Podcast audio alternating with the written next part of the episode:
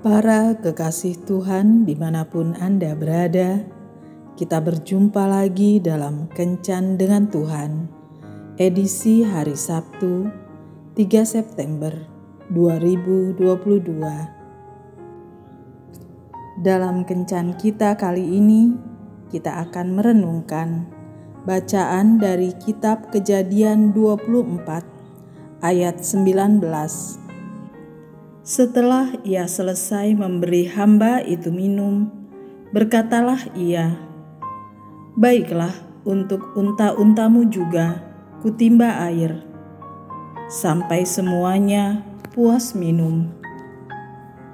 Bapak, ibu, dan saudara-saudara yang dikasihi Tuhan, suatu hari Ribka hendak mengambil air untuk keluarganya. Itu adalah kepentingan mendesak yang harus segera dipenuhi.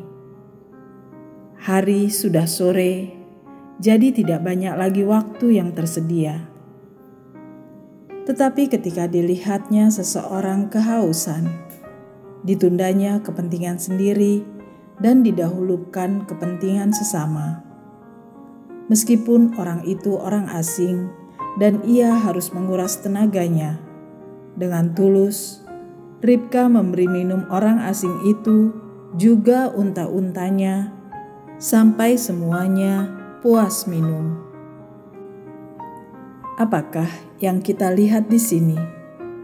Sosok yang selalu ikhlas memberikan diri bagi kepentingan sesama, meskipun kenyataannya ia harus dengan bersusah payah dan mengorbankan kepentingan sendiri. Pertanyaan kita adalah, Faktor apakah yang membuat Ribka menjadi pribadi seperti itu? Salah satunya adalah kesediaan Ribka untuk menyediakan ruang di hati bagi sesama. Di hatinya, Ribka tentu memerlukan ruang untuk dirinya sendiri. Tetapi di hatinya, Ribka selalu menyediakan ruang yang luas bagi sesamanya.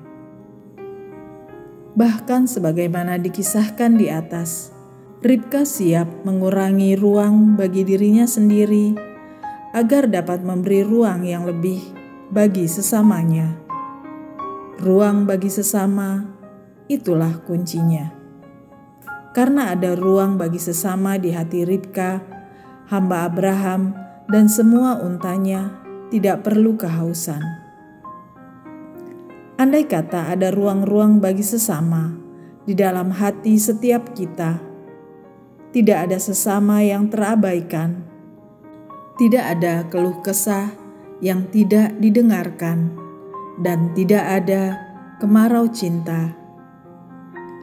Mari kita siapkan di dalam hati kita masing-masing ruang bagi sesama, sehingga kita boleh menerima setiap keluh kesah dan memberi pertolongan kepada mereka yang membutuhkan. Sebagaimana Tuhan Yesus selalu ada untuk kita. Tuhan Yesus memberkati. Marilah kita berdoa.